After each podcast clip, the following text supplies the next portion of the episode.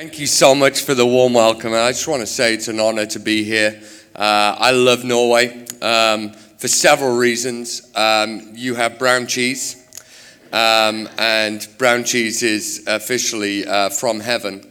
Um, uh, it's actually, if you look in the scripture, uh, in when the Israelites and they called this thing called manna, um, it was actually translated as brown cheese.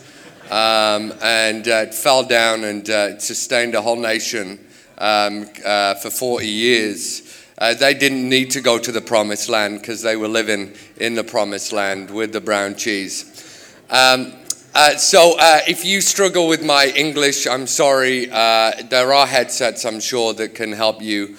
Um, I, I will be doing a mixture of an American accent and a British accent just just because it's fun. And um, God told us to enjoy life, and uh, so I do declare God is so good. Worship Him all the time. Um, so um, uh, it's great to be here. You know, normally when I come to Norway, I have a problem sleeping. I'm not going to lie to you. I don't know why, but um, the last time I was here, I, I stayed in a hotel just actually over there. And uh, to save money, I decided to share a room with my, actually, my colleague and friend, uh, Tim Nelson. What I didn't know about Tim Nelson was Tim Nelson uh, uh, in the daytime is a really great guy, um, but uh, in on a nighttime uh, he turns into Darth Vader. And um, I found myself uh, at four o'clock in the morning uh, with a pillow over his head because um, I'm sure he said to me that he was my father. Um, well, anyway, just the other night I was staying in a hotel now this way and um, uh, I, I don't know if you know, but Disney on Ice is, is, is there. And um, uh, I was just, I, I, like at four o'clock in the morning, there were children running down the aisle. And I could have sworn there was a kid that knocked on my door and, you know, sang, Do you want to build a snowman? um, so that was great at four o'clock in the morning.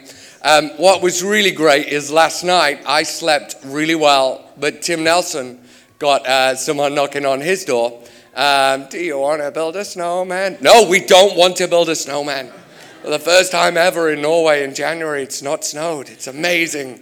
It's a miracle. Um, so uh, I'm so privileged to be here, and uh, can I just say how proud we are that uh, to be supported by this church, IMI, and you know I've spoken many times at Impulse, and I always feel it's one of the best conferences I get to uh, speak into because there's thousands and th- you know of young people that are hearing about the gospel of Jesus Christ. And I want to thank you as a church for making that happen. You have ex- you've done an extraordinary job at setting the stage for young people to hear about Jesus Christ. And I, I think you deserve a, a round of applause for that. And we're going to just bless you, honor you, honor the leadership of this church. Uh, because I, I, believe it's a great vision to see uh, young people equipped with the hope that is found in Jesus Christ. So I honor you um, uh, for doing that. So um, I, uh, I'm going to uh, speak on um, 1 Kings 19 if you have your Bibles um, with you. 1 Kings 19. And I'll just set the scene before we, we go to this passage. Uh, this is um, about uh, a, a, man called Elijah, which apparently your senior pastor's son is called Elijah, and he, he was so excited that I was speaking out of his chapter and uh, his book. Um, but Elijah um, uh, was, um, you know, a prophet that, you know, saw mighty move of God. Now, I don't know if you've ever had this moment, but um, Elijah decided that uh, he was seeing, you know, the kingdom or the, the worship of Baal increase. And he saw like prophets from a false god. They were challenging him, killing his fellow prophets.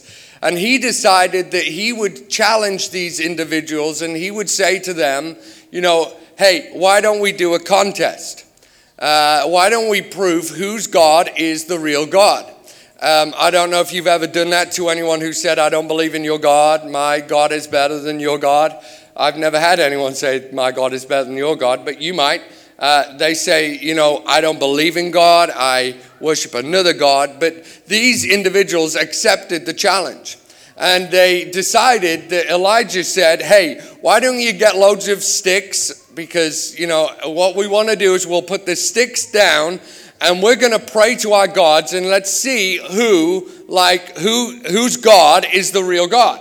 And so, like, we, we, you know, got the sticks out, and Elijah put the sticks there, and the kingdom of Baal people, they put the sticks on the other side, and, and they started praying. I'm sure they were like dancing around, going, Come on, Baal, let's do it now. Boom, go.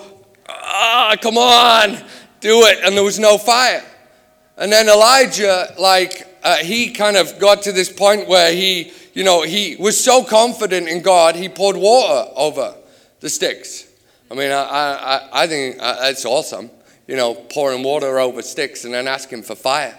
I mean, that's, that's incredible confidence. The Bible says, don't throw away your confidence, for it will be richly rewarded. And so he was so confident, he poured water over it, and then he went, boom. I'm sure that's, it's not exactly the translation. He, he, he didn't actually go boom. Um, I'm sure he just said, Dear, dear, dear God, um, just pray that the fire would come down right now. In Jesus' mighty name. Now. And the fire came down. And uh, can you imagine that moment? I mean, can you imagine that moment where you've just seen the biggest miracle? You've seen what people would say is impossible made possible. You know, one of the things that I love about what I get to do I started an organization when I was 26 years old. Um, I heard about the issue of modern day slavery. I heard about 1.2 million children a year, two children every minute sold into slavery. I heard about that issue and I walked out that building that night and I thought, if that was my daughter, I would do something. It was the next thought that changed the course of my life. They are someone's daughter. I should do something. And so I did what any young, passionate 26 year old would do. I booked the NEC Arena in Birmingham, England to tell the church about it. And we got 5,884 people uh, to our first event. People said what I was doing was impossible. They said what we could do, what we, you know, maybe we should get 300 people to event. But no, we got 5,884 people. People have said over my life all the time, they say, What, you know, why are you starting a new office in, in Birmingham? Why are you starting a new, and, you know, they said what I, what I little Ben Cooley, could do, I, I can't do it. It's impossible. But what I've realized is, is our God takes the things that people say are as impossible and he can make them possible because our God has the authority. When our God speaks, things are created. When our God steps into a room, the statistics and the odds change because the Bible I read that he slays the giants, that he sees the Midianites fall, he sees uh, the death being conquered and the grave being defeated because our God is a God of the impossible. And you know what I love about this moment is Elijah spoke down and God delivered. Have you ever had that moment? Have you ever had the moment where you just be, you see the miracle and you're like, wow, it's a miracle of God. You know, I often think that about my wife. You know, how the heck did I get my wife?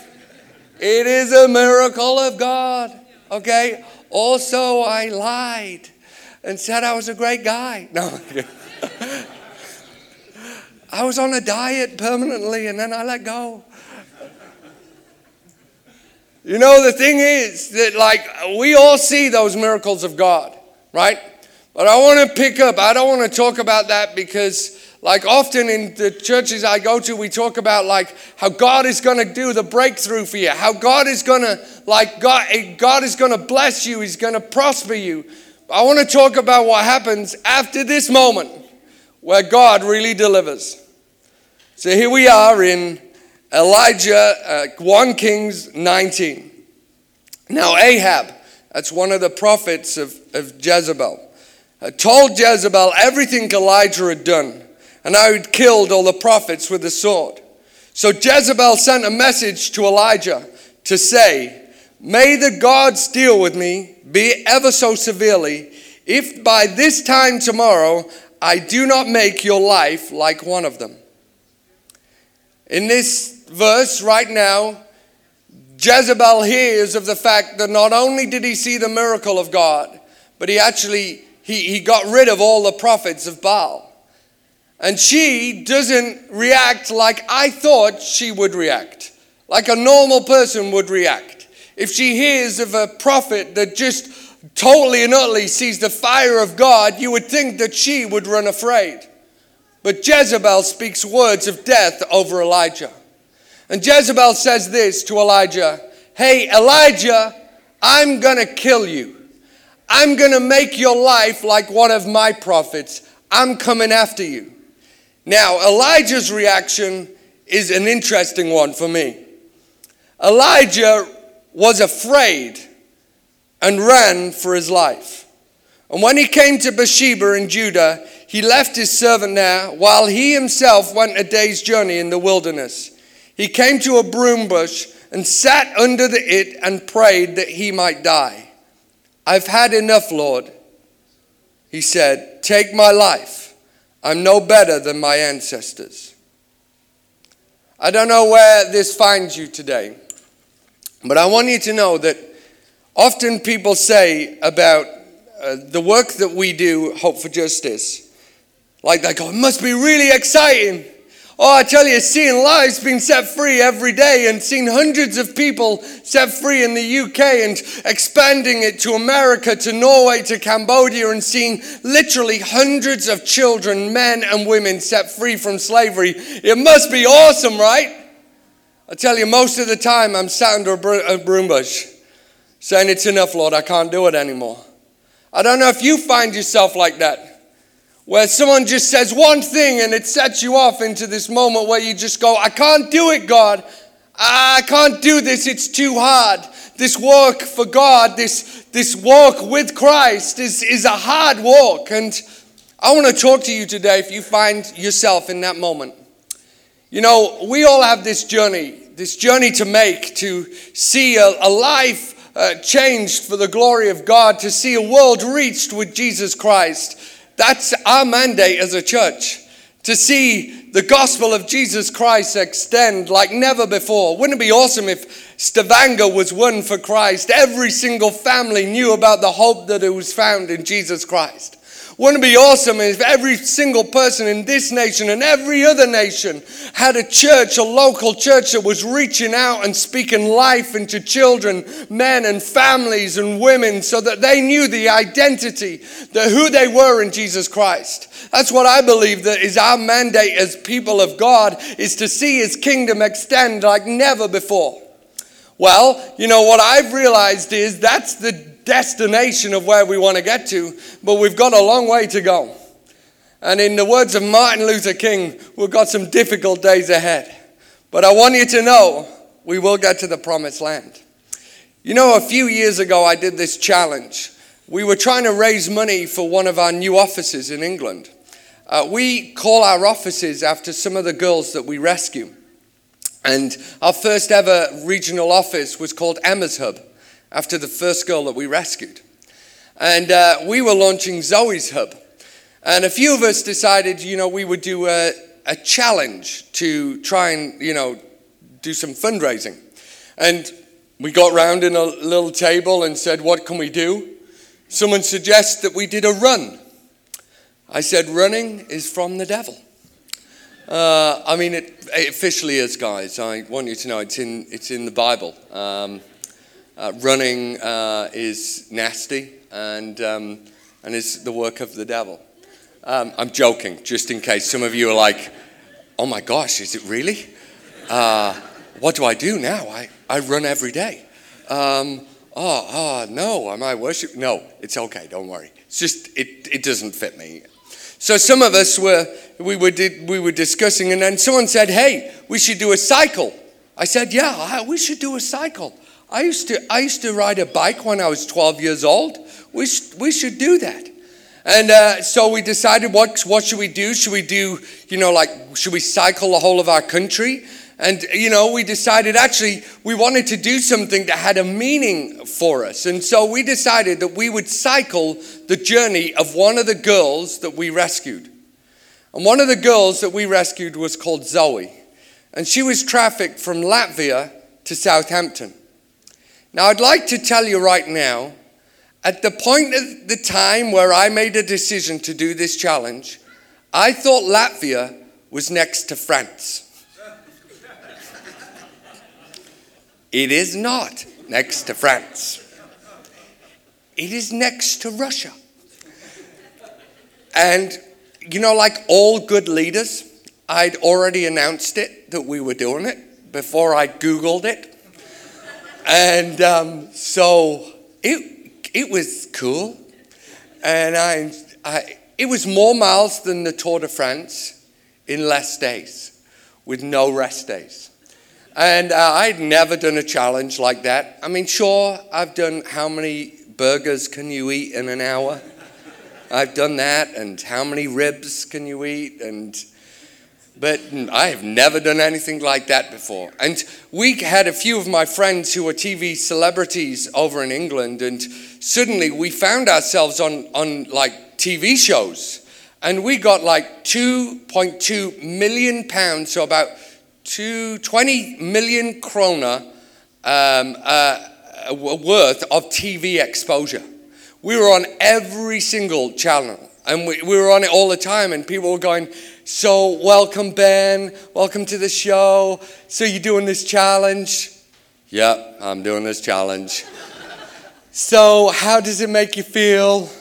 Sick. so, why are you doing it? I have no idea right now because it's a long way. you know, I felt terrible. I cried, and and then and then the, the day came where you know, I mean, we were given bikes, we were given like clothing. I don't know if you've ever. I mean, how many of you uh, ride bikes in here? Is there any m- middle-aged men here that are cyclists here? You're what we call mammals, middle-aged men in lycra. And, um, and I've realized that actually the cycling community really is a cult. And uh, they, they spend a lot of money on tight, tight fitting. Um, it exposes a lot, I'm just saying, you know. Um, it's cool. And so I, I, I, I, you know, we got sponsored by lots of big companies in added pressure, more miles than the Tour de France in less days. It's totally awesome. I feel sick still. Um, and so, like, we got to, you know, we got on the plane to fly over to Latvia, and we were there. We bought one way ticket hello. And uh, we, we got over, and, you know, I thought like 45 minutes into the flight, I was thinking, surely we should be landing soon. Nope. Still another two hours to go, Ben. And you know where you look out the window and you go, you're looking out the window of a flight, you go, oh, how great is God? He's such a great creator. I love Jesus. Look at all this land that I have to cycle back over. oh, that's totally cool. And so, like, we land in Latvia and I get my Lycra on, and I know you're thinking you would look good in Lycra. No one looks good in Lycra. Okay? So, like, um, we, we start cycling, and the first day goes well. I'm like, I got through a, one whole country in a day. I was like, yes, I am the man. Come on, team, we're doing this. It's going to be easy. And then we get through Lithuania, and then we hit a place called Poland. Now, I didn't realize how big Poland is, but it turns out Poland is massive, right? And I am like, oh my gosh, Poland. And it's just this one long road. Sometimes uh, the Polish people decide, ah, don't really want to build a road here. Let's just miss this bit out. And so on a road bike, you suddenly come to sand. And, and cycling over sand is awful. And so I, one day I was cycling in Poland and I uh, looked down. I was pretty bored. I was thinking, ah, I don't really want to do this anymore. And I was like, I'll just give up. It's just boring. Suddenly I look down and there's a wild wolf, and it had like a saliva coming out of its mouth. Suddenly I found my motivation. I like cycling again. You know, when uh, uh, we were heading towards Southampton, the end goal, the vision was Southampton. And then suddenly we got to this place called Germany. Now, the Germany was in the middle of our journey. And I want to spend just a few moments just talking about some of the lessons I learned in Germany. Number one, Germany is huge. Number two, Germany is massive. Number three, it's massive. You know, and I, I want you to know this the danger of a vision is never at the start. It isn't actually. If you start a project or a vision or a dream, the danger is never at the beginning because you've got the motivation, you've got the excitement. When I first started Hope for Justice, I was like, yes, come on. People said to me, how come you're booking an arena? I'm like, why not? Let's do it. Let's, you know, it's exciting. The vision is like real, it's so close to you. Uh, you know, and when you're near the finish line, when you're nearly completed, when you're nearly at Southampton, you're like, come on, you know, like we're nearly there. The danger of any vision, the danger of any marriage, the danger of any situation that you walk through is always in the middle. And we got into Germany, and suddenly the weather changed. It started to rain. And I don't like rain. It's nasty. It is from the, no, it's not from the devil. And we started seeing something called mountains. Now, if you cycle and you cycle up mountains, actually they are from the devil. They, they actually are.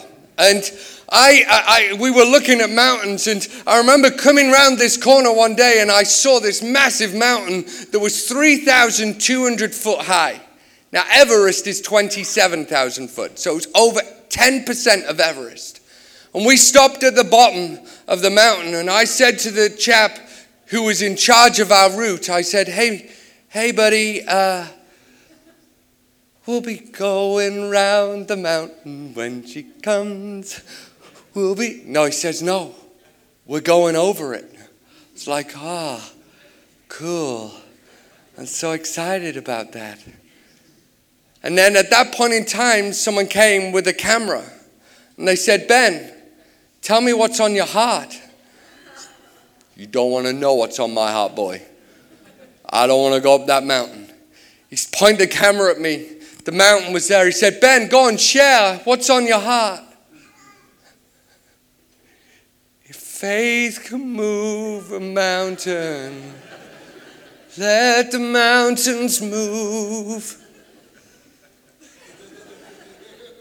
Oh. I learned something in that moment, church. God doesn't always move the mountains, sometimes He defines you by them.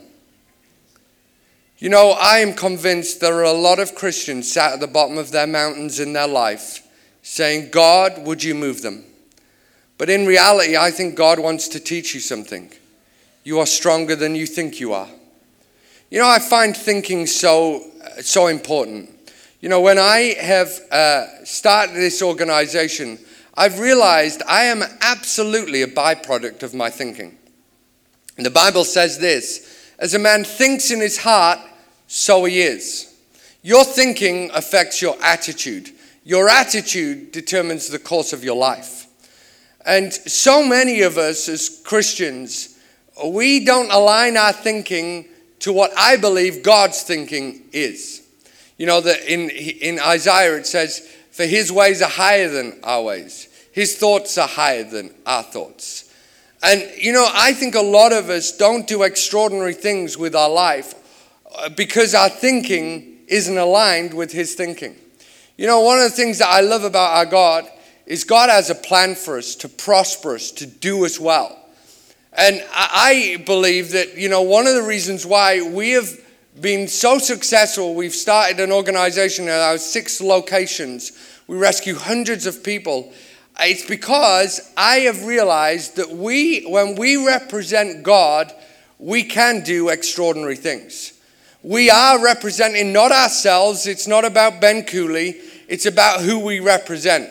We represent a God that in Hebrews it says his kingdom will never be shaken. I don't know if that's how your thinking is. I don't know if you walk out this room and you think, I don't represent my family, I represent God's family.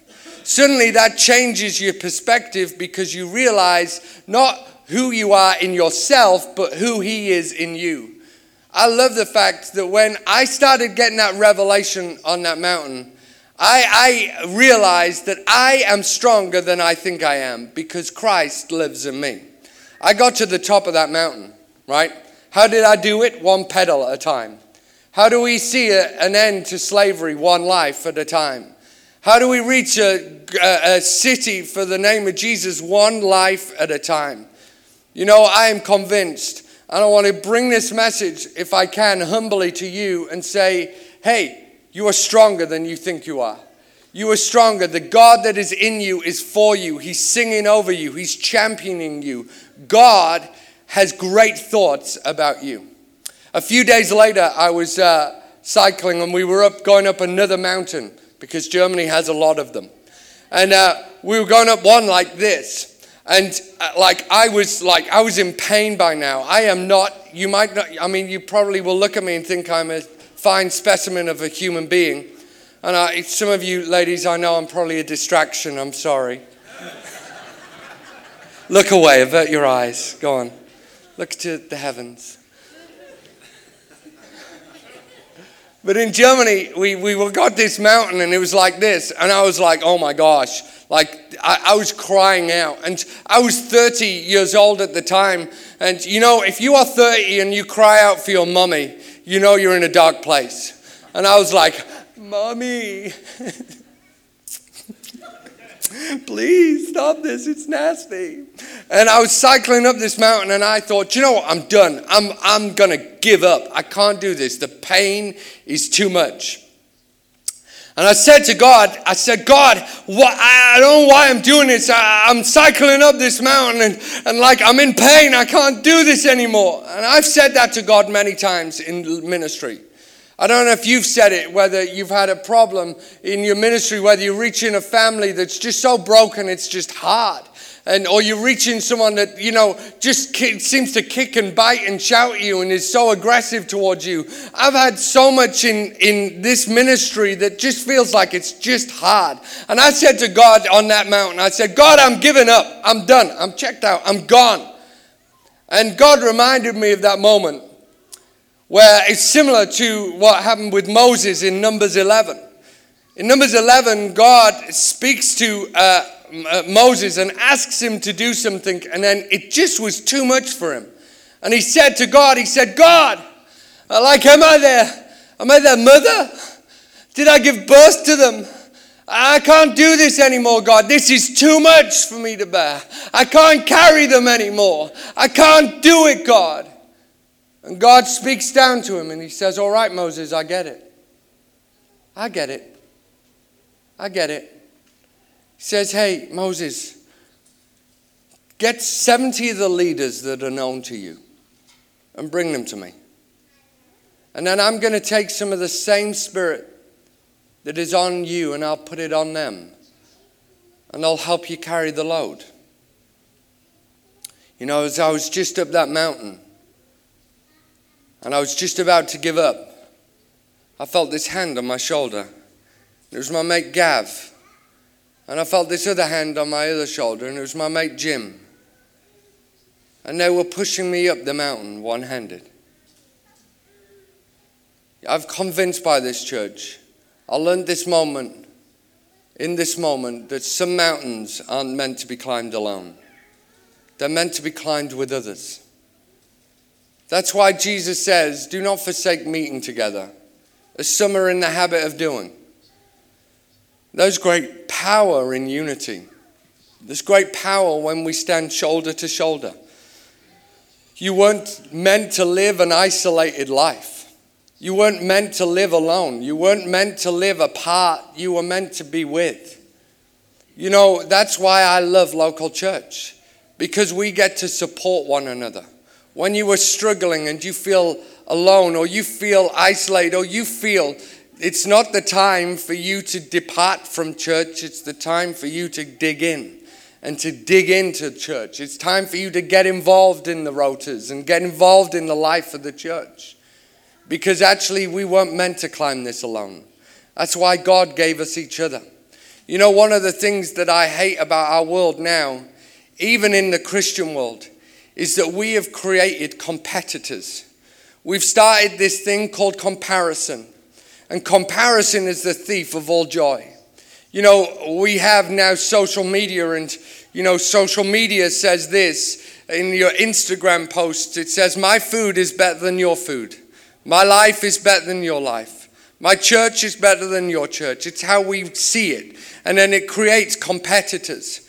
But in, I believe what God wants us to do is to actually realize that we are team. We're there for one another. We share one another's burdens. Some mountains aren't meant to be climbed alone, they're meant to be climbed with others. It's why, you know, I feel so privileged that, you know, Sondre is on our staff. Because, you know, one thing I love about Sondre is he isn't a competitor, he's team, he's family. You know, I love, I mean, I don't understand what he said on stage today because Unfortunately, my Norwegian is slightly, you know, non existent. Tack, tack. Um, but the reality is, God didn't mean for us to be alone. He meant to be with others. And so, first thing is, you're stronger than you think you are. The second thing is, some mountains aren't meant to be climbed alone, they're meant to be climbed with others. And then, third thing that I learned, and then I'll finish, is that I learned on this journey and this journey of starting Hope for Justice and this journey of doing this challenge 2,715 kilometers in 19 days. Amen. Glory in the highest. We were still in Germany because I don't know if I've told you, Germany is massive. Um, uh, we were still in Germany and I was, I was getting really tired now and I started being sick every single day. And I couldn't keep food down, nor could I keep water down. And actually, it's affected me since. Even now, I am sick every single day. My body just is ruined because I did this stupid challenge that I don't know why. No, I do know why I did it. And I did, I was in Germany and I was cycling and I was being sick and I couldn't, and my mentally, I just couldn't, I couldn't keep up with it. And I got to the point where I was done. I was totally checked out. And I don't know if you've had this moment, whether it's your Jezebel moment where she speaks word of death over you, whether it's whether your business is failing or whether it's something in your family situation. But I got to this point where I stopped cycling. And I stopped there and I just couldn't do it anymore. And I said, God, this is it. I got to this moment in ministry when I got a phone call from uh, one of the individuals in, uh, in England that was part of one of the sex industries in England. And he rang my office and he said that my children went to a great school. What they implied was, and what they did was they threatened my children. I don't know if you've ever been in that moment where You've, you talk about the darkness of that, the world. That day, darkness came into my room. You know, I spoke yesterday to the young people about the scripture in Isaiah 60. It talks about rise and shine, for your light has come. But there is darkness in the world, gross darkness, thick darkness. I don't know what, if you can imagine what it feels like to have your two children, literally lives, being threatened. Suddenly, what I was standing on platforms talking about came real in my family. What I was sharing about and the glamorous lifestyle that some people might think I live, going all over the world preaching, suddenly affected my household. And I had to move my wife and my kids out of our house. We went and lived in, literally, we was absolutely petrified, scared. I said to God, I'm done. I'm ready to give up. I can't do this anymore. It's too much for me to carry. And I was on that moment, and I, I was in that moment where I just stopped cycling. And I said to God when I was cycling, I just said, I'm tired. I'm in pain. I'm being sick all the time. God, I, I give up. And I stopped cycling. And just as I'd stopped cycling, my friend saw her and he said, Ben, Ben, have you seen the town that we are cycling through? I said, I don't know what you're talking about, man, but I'm giving up. I'm out. He said, Ben, look up. Look at the town that we're cycling through. I said, Man, I, I can't do this. I've given up, man. Don't, don't. He said, Ben, look up at the town that we're cycling through. Look up. And I look up, bleary eyed, and I see this sign. He says, Ben, it's our turn. He says, Ben, it is our time and our turn. Don't you dare forget who you are cycling for. Don't you dare forget why you are cycling. You aren't cycling for you, you're cycling for others that have yet got their freedom. Don't you dare give up. Don't you dare stop. You keep on pedaling. Because there's girls that are determined that their freedom is, is, is lying on you not giving up. Don't you dare give up. You know, Zoe, she was trafficked from Latvia to Southampton, and when she arrived in Southampton, she met this man who took her to this hotel room and he presented her a piece of underwear and said, You wear this. She looked at him and said, No, I'm not here to do that sort of work. I'm here for a legitimate job. I'm here to make money for my family. This man looked at her and he laughed. And he said, No, you'll do whoever I tell you to do. And you'll do them when I tell you to do. He walks out of that room. Ten men walk in. And there begins Zoe's nightmare, where she is trafficked from man to man, town to town across England. So bad was the abuse that she decided that she would end her life. And she stood at the apartment block and she decided that she would jump out. She jumped out the window but she didn't die. She bust a leg. The trafficker walked out of that building that day and he walked onto the street seeing this girl screaming in agony. He grabs her by the hair, drags her back into the building, drags her up every single flight of stairs, and shoves her back on the bed for the next man to walk in. When our team eventually got hold of Sarah, of, of Zoe, we got her into the car. She grabbed hold of one of my team members' hands and said, I don't know if this is real or not. I don't know if you're going to help me or not. But I have one request and one request only. Tonight, you don't rape me. I just need a night off. We arrive at the aftercare facility the place where she is going to get her restoration. And she turns to my team member and says, It's real, isn't it? It's real. Tonight I'm not going to get abused. I'm not going to get violated. I, I'm not going to have to service a man. He says, Yeah, Zoe, it's real. And she burst into floods of tears, sobbing and sobbing like a thousand abuses had left her. And then my team member speaks over her life and says, You know what, Zoe? You're a princess.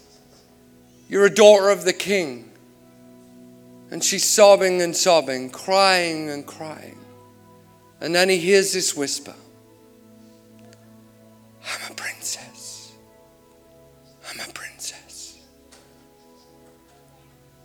You know, my friends, I kept cycling that day because I realized that there was purpose in my cycling.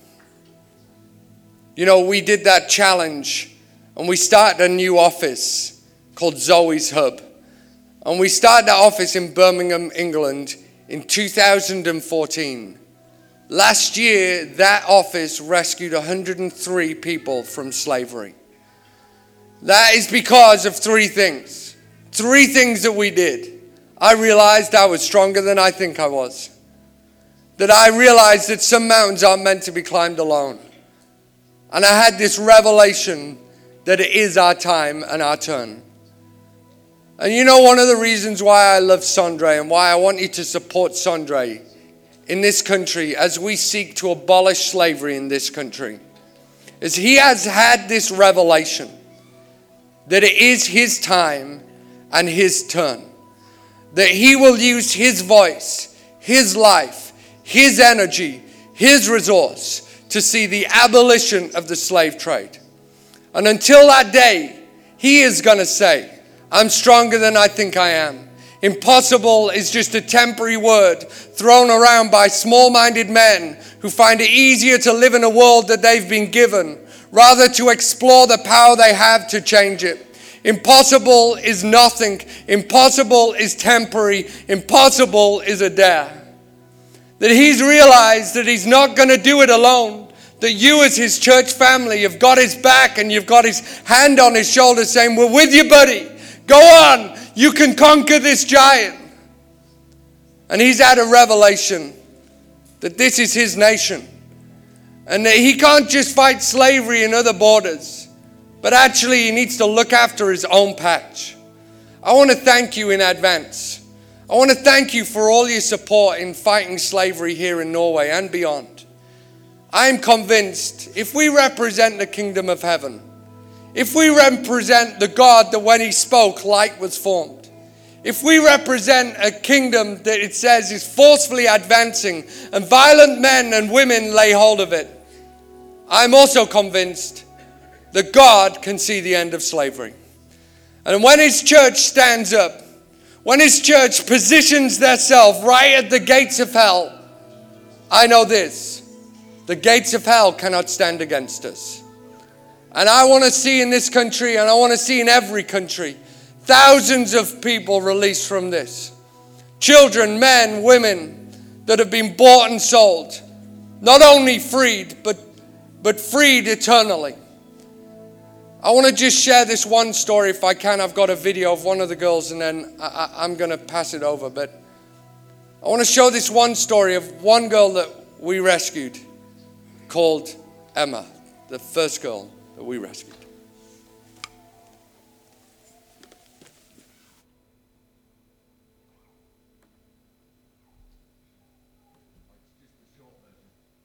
But this girl was the first girl that we ever rescued.